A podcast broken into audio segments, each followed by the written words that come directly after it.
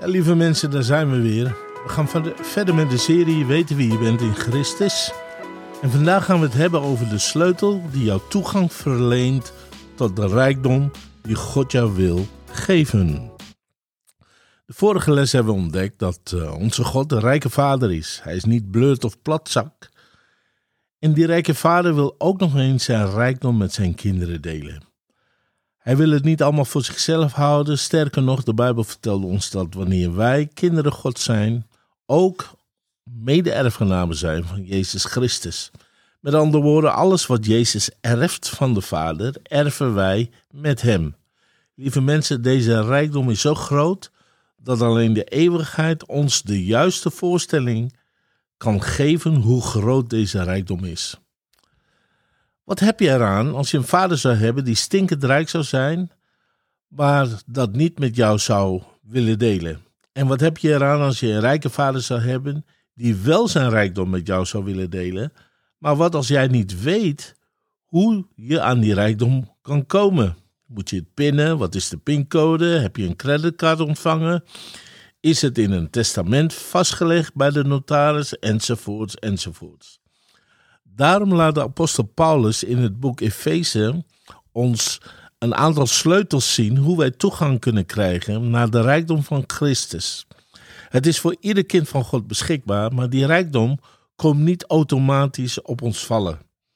Als wij deze sleutels niet gebruiken, dan kunnen we vasten, we kunnen bidden, we kunnen huilen, we kunnen religieus doen, medelijden proberen op te wekken, hopen dat God toch iets doet aan onze situatie, maar de deur blijft dicht. Niet omdat God de deur op slot heeft gedaan, maar omdat wij simpelweg de sleutels niet gebruiken die God ons gegeven heeft. Zo laten we kijken naar de eerste sleutel die ieder kind van God heeft, ook al ben je pas tot bekering gekomen. Efeze 2, vers 8 zegt: Want door genade zijt gij behouden door het geloof, en dat niet uit uzelf, het is een gave van God. Zowel genade als geloof is een gave van God. Genade heeft ervoor gezorgd dat je de sleutels in handen kreeg, maar het is geloof dat iedere deur van Gods rijkdom kan openmaken. En het koninkrijk van God heeft vele deuren. Jezus is natuurlijk de deur die ons toegang verschaft tot het koninkrijk. Maar zodra wij door de deur zijn gegaan, zullen we ontdekken dat er nog vele andere deuren zijn die God voor ons wil openen. Daarom spreekt de Bijbel over sleutels, meervoud van het koninkrijk. Daarom zei Jezus: Alle dingen zijn mogelijk voor hen die geloven. Alle dingen. Je zou het ook zo kunnen vertalen: Alle deuren kunnen opengaan voor hen die geloven. Alle deuren.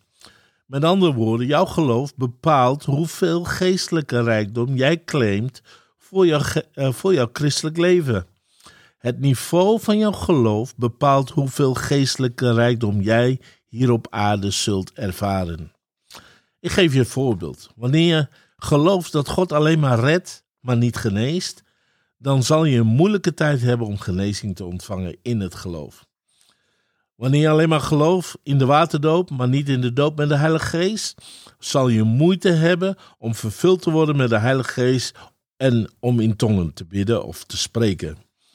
Als je gelooft dat God bestaat, maar niet een beloner is voor hen die Hem ernstig zoeken, zal je moeite hebben een beloning te ontvangen. Nou, nogmaals, niet omdat God jou niet wil belonen, maar omdat jij de sleutel van geloof moet gebruiken, net zoals jij huissleutels moet gebruiken om in jouw huis te kunnen komen. Ja, ik wil niet al te veel in herhaling vervallen, maar ieder kind van God heeft geloof. Het is een geschenk van God. Je hebt het van God gekregen. En wanneer je Jezus tot jouw redder en verlosser hebt aangenomen, heb jij geloof. Punt. Je hoeft niet, je hoeft niet voor een groter geloof te bidden, net zo goed je niet voor een grotere huissleutel uh, nodig hebt. Maar je moet het gewoon gebruiken op de juiste manier. Nou, hoe gebruik je je sleutels? Ten eerste, je moet het in het sleutelgat steken. Met andere woorden, jij moet contact maken met de deur waar jij doorheen wil gaan. Nou, hoe doe je dat in het geestelijke? Door contact te maken met Gods beloften in zijn woord. Hoe? Door Gods woord te lezen, te bidden, te mediteren. Je moet leren om de beloften van God vast te spijkeren in jouw ziel. Je moet het keer op keer herhalen en erop hameren. Ten tweede, je moet die sleutel omdraaien. Doe je dat niet, dan, blijft die deur dicht. Nou, hoe doe je dat in het geestelijke? Door Gods woord te beleiden. Je moet uitspreken wat Gods woord zegt. Je moet uitspreken wat je gelooft. Je moet niet altijd uitspreken wat je voelt of wat je ziet of wat men zegt. Je moet Gods woord constant beleiden. Nou, de eerste keer toen God sprak was het niet om te communiceren, maar om de schepping te creëren. En als u iets wil creëren, nou eigenlijk doe je dat niet, want Gods woord is al daar. Het is al een realiteit. Je kunt het alleen nog niet zien. Maar wil je het zien, dan moet je het uitspreken. En ten derde, je moet door de deur heen gaan. Nou, hoe doe je dat? Uh, vraag je misschien af. Wel, net zoals in de natuurlijke, je kunt een sleutel in het sleutelgat steken, je kunt het omdraaien zoveel als je wil, maar uiteindelijk zal je door die deur moeten lopen.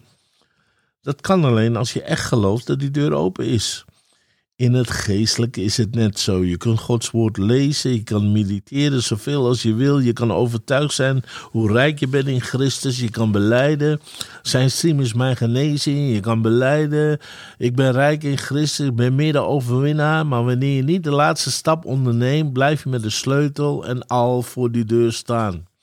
Ook al is die sleutel omgedraaid en wel in de sleutelgat. Dus hoe kan je door die deur gaan in het geestelijke? Wel let op wat Jezus zegt. Dus dit is niet wat ik zeg, hè. Je kan het zelf nalezen in Gods woord. Dit is wat Jezus zegt. Marcus 11, vers 22 tot en met 24. Hij zegt, en Jezus antwoordde en zeide tot hen, en hij zegt ook tegen u, heb geloof in God. De Griekse vertaling zegt eigenlijk letterlijk, heb het geloof van God. En dan zegt hij voorwaar. Dat woord voorwaar betekent ik lieg niet, ik zeg de waarheid. Ik zeg u, wie tot deze berg zou zeggen, de berg van ziekte, de berg van problemen, de berg van obstakels, hef u op en werp u in de zee. En in zijn hart niet zou twijfelen, maar geloven dat hetgeen hij zegt, zie je, moet het zeggen, geschiet, het zal hem geschieden. En dan zegt hij dit, daarom zeg ik u, Daarom, als er staat daarom, moet je altijd afvragen waarom staat er daarom.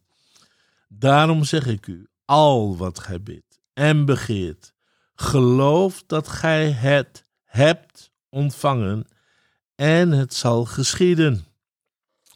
U en ik verlangen allemaal iets dat zal geschieden. Wij verlangen naar onze genezing, wij verlangen naar een doorbraak en dat het allemaal zal geschieden. Maar als wij iets willen zien geschieden, toekomende tijd, moeten we eerst geloven dat het wat ons betreft al geschied is, verleden tijd. Dat we het al ontvangen hebben. Wanneer? Toen je hebt gebeden. Je moet het jezelf toe-eigenen.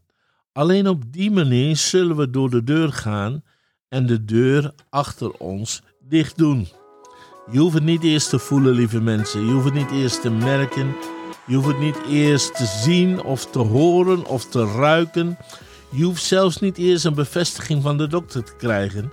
Je kan alleen door die deur heen gaan door te geloven dat jij het ontvangen hebt. En het is geen klapdeur, hè? Je moet niet naar binnen en naar buiten en naar binnen en naar buiten. Je moet binnen blijven. Dat is Bijbels geloof, wat Jezus ons leert. Want geloof is de zekerheid, zekerheid, zekerheid. De dingen die men hoopt toekomende tijd en het bewijs der dingen die men niet ziet. God bless you. Ik hoop dat u Gods rijkdom zal toe-eigenen, want we zijn zo rijk in Christus en de Heer wil alvast dat wij hier op aarde al een beetje daarvan kunnen meegenieten. God bless you.